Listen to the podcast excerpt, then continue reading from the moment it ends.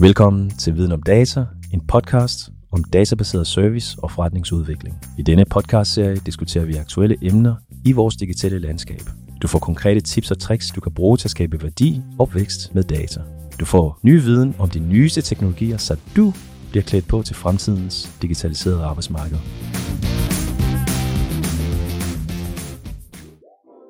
I dag så siger vi velkommen til dig, Lisbeth Knudsen. Mange tak, fordi du ville være med. Vil du ikke øh, introducere dig selv?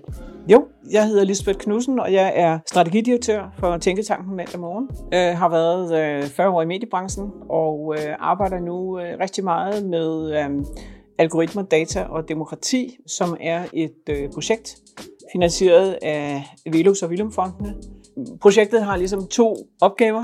Det ene er et meget stort forskningsprojekt, et 10-årigt forskningsprojekt, hvor der vil være op til 25 forskere, som kigger på, hvordan hele den teknologiske udvikling påvirker vores samfund og vores demokrati. Og den anden del er en formidlingsdel, som jeg har ansvaret for, og hvor vores opgave er at prøve at gøre den danske befolkning mere bevidst om, hvad teknologierne gør ved os, hvordan det forandrer vores samfund, hvad det er for kompetencer, vi bør have, for at vi kan navigere på den rigtige måde, både som demokratiske borgere og som forbrugere.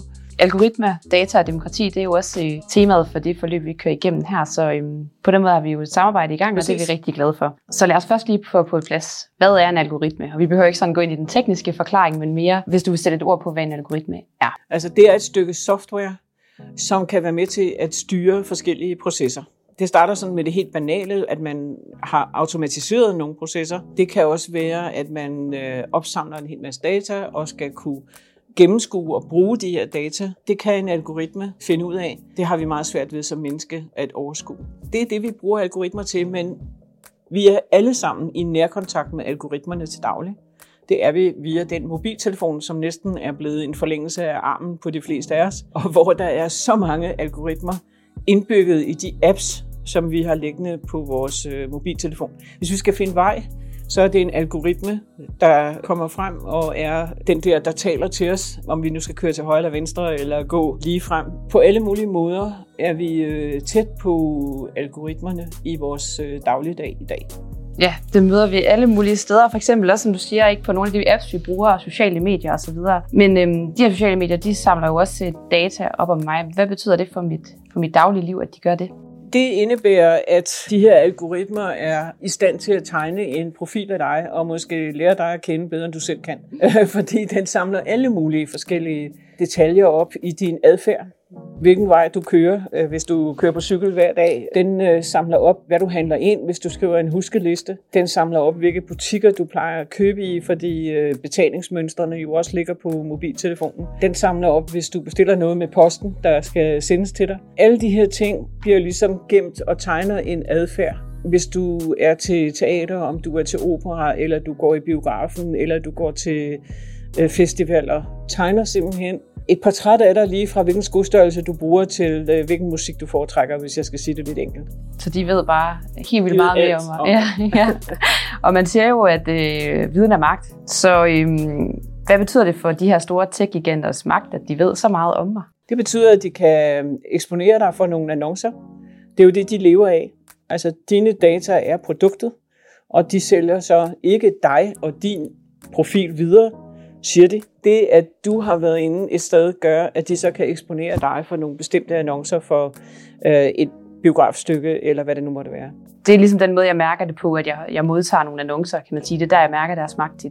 Det er forretningsmodellen, ja. kan man sige, at, øh, at du øh, for det første bliver holdt inde i loopet på for eksempel Facebook, eller på Instagram, eller YouTube, hvor du nu er, at du ligesom bliver holdt glad og tilvendet noget bestemt øh, inde på, på deres øh, platform. Og på samme måde med butikkerne, hvis du har været inde og, og se på noget tøj, og lagt det i kurven, som man siger, og så er blevet enig med dig selv om, ej, det var alligevel ikke noget så ved du godt, at så sker der øh, to timer efter, der får du en besked. Glemte du noget? Var der noget, vi skal hjælpe dig med? Fordi den har registreret algoritmen, at du har været inde og puttet noget i kurven, men du har ikke betalt. Så det er simpelthen forretningsmodellen at holde dig fanget så længe som muligt, og holde dig inde i loopet på de her platforme. Og nu, nu har de jo så meget magt, så hvem, hvem regulerer dem? Er der nogen, der gør det? En regulering er jo på vej på de sociale platforme. Dels så prøver vi nationalt at, at gøre noget primært omkring at øh, regulere indhold Altså, øh, at der ikke er skadeligt indhold, eller hadstale, eller noget, som er sådan grænseoverskridende terroropfordringer øh, eller andet. Der er jo en dansk lovgivning, som er i høring lige i øjeblikket, eller lovforslag, som er i høring lige i øjeblikket. I EU er der en, øh, det, man kalder en forordning, en EU-forordning på vej, som kommer til at regulere indholdet og kommer til også at give nogle regler for, hvordan de sociale platforme skal fjerne for eksempel selvskadet indhold og den slags ting, som er jo forfærdeligt. Og at de skal gøre det inden for en, en vis tidsfrist. Og den europæiske forordning kommer til at overrule den danske lovgivning, så det er i virkeligheden en fælles europæisk indsats, der her gøres for at regulere på det område. Der bliver også reguleret i forhold til opbevaring af data, i forhold til markedsføring og sådan nogle forskellige ting.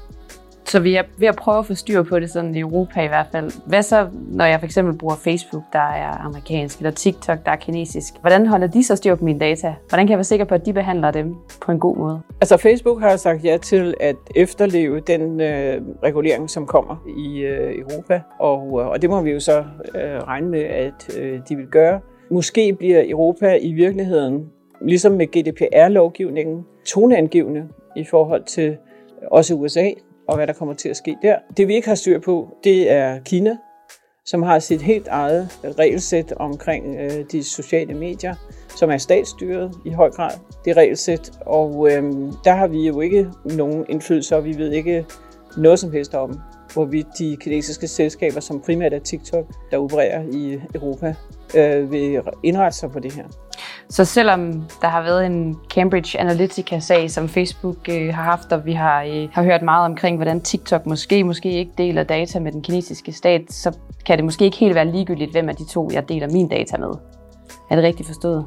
At det er rigtigt forstået på den måde, at Cambridge Analytica jo i hvert fald kom til at skabe så meget opmærksomhed omkring, hvordan tech-giganterne bruger vores data, og hvad de bruger dem til. Så meget så Facebook jo næsten lukket ned for, at, selv forskere, der gerne vil ind og analysere på Facebooks data, ikke fik lov. Hvis jeg skal vælge imellem at aflevere mine data til TikTok og til Facebook, så vil jeg trods alt hellere aflevere dem til Facebook. Ikke mindst når vi har den nye lovgivning, som kommer på EU-niveau. De har alle mine data, men hvad for en ret har jeg selv over den data, som de indsamler? Altså den ret, du har, det er jo at lade være, han har sagt. Fordi når du øh, tilmelder dig på Facebook og etablerer en profil på Facebook, så får du øh, tilsendt øh, et, øh, en kæmpe lang mail med deres forretningsbetingelser. Altså 16 skærmsider eller sådan noget. Med alle mulige forskellige øh, beskrivelser af, hvad de må bruge dine data til, hvordan de bruger dine data, hvordan de opbevarer dine data, alt det der. Det står faktisk øh, beskrevet der. Og det er der bare ingen, der læser. Og de fleste skynder sig ned i bunden og hakker af og siger, jeg er enig eller accepterer. Så problemstillingen er sådan set, at vi øh, kunne gøre noget ved at øh, være mere bevidste om, hvad vi afleverer vores data til. Vi kunne også vælge at være på nogle andre steder end Facebook, hvor der er en større grad af gennemsigtighed i forhold til, hvad dine data bliver brugt til. Men eftersom de fleste af os er på Facebook, vores venner er på Facebook, vores familie er på Facebook, så vælger vi bare at se gennem fingre med, at vi afleverer vores data. Og det er ikke så klogt. Og derfor er noget af det, der ligger i, øh, i EU-overvejelserne, det er, at der skal være en langt større grad af enkelhed i det der schema, vi får tilsendt, om vi nu hakker ja eller nej. At det skal være til at gennemskue for almindelige mennesker, og at det ikke skal tage 17 år at læse det på engelsk, for at, øh, at vi forstår, hvad der sker med vores data. De kunne skrive, at man kunne få 500 kroner dernede i, og så ville der ikke være særlig mange, der hævede sine 500 kroner. Men hvordan bliver det så i fremtiden? Altså, fordi vi vil jo stadigvæk nok gerne bruge Facebook. Så hvad, hvordan kommer det til at blive? Bliver det ved med at være sådan her, eller er der noget nyt på vej? Jeg tror, kravet vil blive en større grad af enkelhed, når man tilmelder sig. Kravet bliver også, at øh, der skal være en større grad af gennemsigtighed i forhold til, hvis... Øh, hvis du får lukket din Facebook-profil ned, hvor det er meget, meget vanskeligt i dag at få en forklaring på, hvorfor skete det lige, og hvad har jeg dog gjort. Der bliver en, et krav om, at man skal få meget mere klar besked omkring det. Facebook øh, og andre sociale platforme vil blive tvunget til at afgive sådan en, en om det er årligt, øh, formentlig rapport om, øh, hvor meget de har fjernet af indhold, hvor mange klager de har fået, hvor mange klager de har imødekommet. Alle sådan nogle ting, som giver en større grad af ja, gennemsigtighed i hvert fald med, hvad der sker på, på de sociale medier. Der skal være en mere um, klar klageadgang, hvis øh, der er noget indhold, øh, der bliver taget ned på min profil så skal der være en større grad af, af hurtig klageadgang. Så det er nogle af de ting, som ligger i, i, i øh, de lovgivningsinitiativer, som, som kører i Europa. Jeg har også hørt lidt om sådan nogle databanker. Den hedder vist Polypoly. Ja. Kunne det være et sted, jeg kunne opbevare mine data og få styr på dem? Altså, de fleste mennesker vil jo have meget svært ved selv at skulle opbevare alle de data. Hvis nu man har sådan en løbe-app, som øh, nogen har, øh, eller sådan en, der holder øje med, hvor mange skridt har du taget i løbet af dagen, eller sådan noget. Så alle de sundhedsdata bliver jo i princippet opsamlet på din mobil, og i nogle tilfælde, hvis det er, er sådan en slags app, man har, videregivet øh, til dem, der har lavet appen. Hvis jeg nu gerne vil have mine data opbevaret, øh, så er der nogen, der er begyndt at tænke over, skulle man ligesom, vi har en bank til vores øh, øh lønkonto, og forskellige andre økonomiske øh, transaktioner, skulle vi så have en databank, en personlig databank, hvor vi kunne oprette en konto og sætte vores øh, data ind, på dem beskyttet, og øh, sådan at de kun bruges, hvis jeg har sagt ja til, at, øh, at de bliver brugt øh, til det ene eller det andet. Ikke? Det, det kan godt være, at vi ender der. Jeg tror, der er et langt stykke vej til, at folk begynder at, at tænke i den retning, men det er sådan set fint, at der er nogen, der begynder at overveje, hvordan kunne vi organisere os på en anden måde i det her datasamfund øh, sådan at vi også selv har noget kontrol over vores øh, data. Det, der bliver problematisk, det er, hvis man gør det for eksempel på sundhedsområdet, fordi i Danmark har vi faktisk noget af det stærkeste på det område, øh, hvad angår data, adgang til, øh, til sundhedsdata øh, fordi vi har en enorm tillid i Danmark til den, det offentlige system, og det har man ikke alle steder i verden. Og derfor så har vi faktisk øh, en, en meget øh, stærk og meget brugbar opsamling af sundhedsdata, som kan være med til at hjælpe os til at, at finde løsninger på, til forskerne i forhold til sygdomme og sådan noget, udvikling af medicin og alt muligt. Og hvis vi låser alle vores data ind, hver især i vores bank, databankkonto, så kommer der jo mindre rådighed over de der øh, fælles. Og det, man kalder personanonymiserede data, altså hvor man ikke kan se, at det er Lisbeth, der er her øh, og har afleveret sine sundhedsdata, men hvor mit tilfælde af en eller anden sygdom så indgår i et register. For de fleste mennesker er det helt overvældende at skulle administrere egne data. Altså, øh, hvad skal jeg gøre ved det, og hvem skal, hvem skal holde øje med det, og hvordan får jeg det så ud, når jeg skal bruge det? Så tænker jeg, at vi kan snakke lidt om, om data og samfundet. Fordi øh, nu har vi snakket lidt om, hvad det sådan betyder for mig som enkelt person, men, men hvilken indflydelse har algoritmer på det danske samfund, og måske særligt det danske demokrati? Algoritmerne har jo en indflydelse på den demokratiske debat. Forstået på den måde, at, øh, at algoritmerne også er med til at styre, hvad er det, vi, vi, øh, hvad bliver vi eksponeret for i den demokratiske debat. Hvis, hvis jeg har valgt et bestemt politisk parti og følge det eller dets politikere, øh, så får jeg automatisk øh, mere af det og bliver mindre eksponeret for andre politiske synspunkter. Så algoritmerne er på den måde med til at, øh, at styre, hvad jeg bliver eksponeret for. Men i høj grad bliver de jo også brugt til politisk annoncering. Der er der nogle særlige regler omkring gennemsigtighed, og, og man skal kunne finde øh, de politiske partiers annoncer et, et, et bestemt sted, hvor man kan gå ind og se, hvem har lavet hvilke kampagner.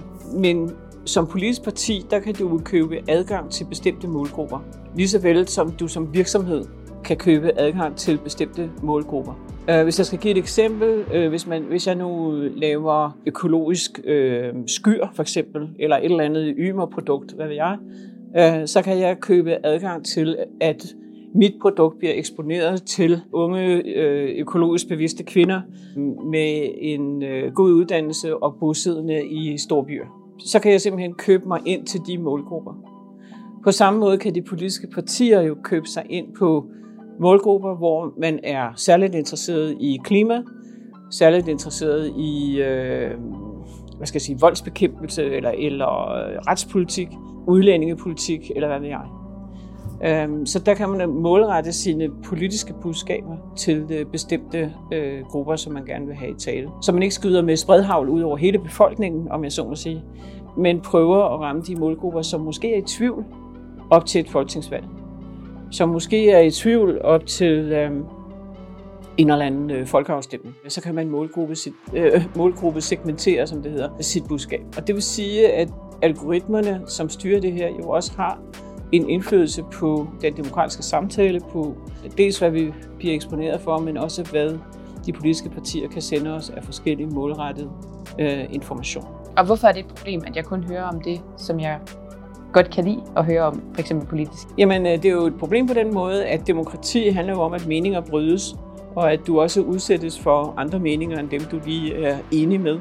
Og på den måde bliver tvunget til også at argumentere over for dig selv, hvorfor er det lige det her, jeg synes er det, er det rigtige. Så, så det er jo en del af demokratiet, at vi rent faktisk øh, diskuterer og prøver at finde frem til de, øh, de bedste løsninger på den måde. Jeg har hørt om jeres øh, undersøgelse tekstafetten, som undersøger unges forhold til det her tema.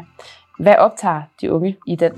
De unge er faktisk ikke så bange for at aflevere deres data, som måske mange af de lidt ældre er. De er til gengæld meget bekymrede for deepfakes. Jeg skal sige, en, øh, en falsk video, hvor du ser et menneske, og det, der kommer ud af munden på det her menneske, er bare det, noget, det menneske aldrig har sagt. Men mundbevægelserne er korrekte.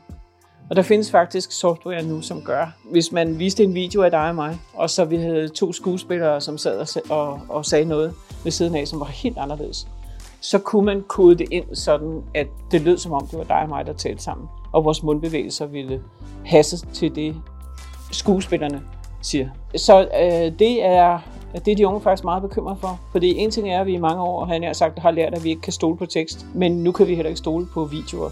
Øh, og det er virkelig øh, sådan, øh, ja, grænseoverskridende. Hvor man siger, at det jeg ser på billeder, det må da være sandt.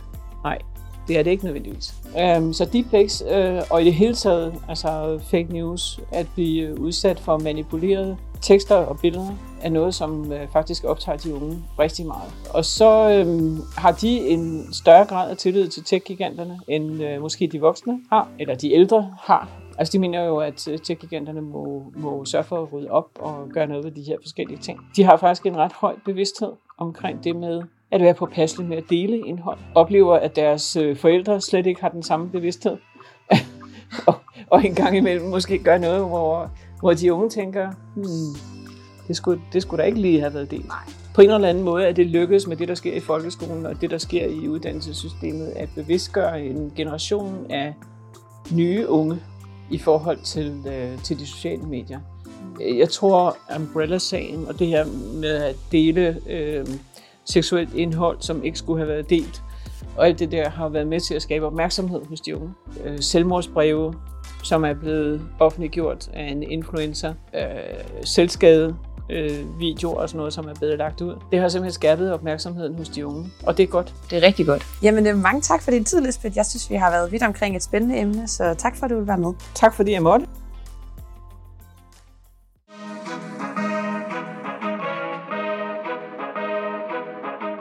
Tak, fordi du lyttede med. Du kan finde mere viden om vores gæster i vores show notes. Find flere podcasts ved at søge efter viden om data på Spotify, iTunes og SoundCloud. Tilmeld dig vores nyhedsbrev, hvor vi månedligt deler ny viden inden for digital forretningsudvikling. Du kan sågar finde os på LinkedIn, YouTube og Facebook og lære mere om, hvordan vi er med til at transformere undervisningen på de merkantile erhvervsskoler. Vi lyttes ved.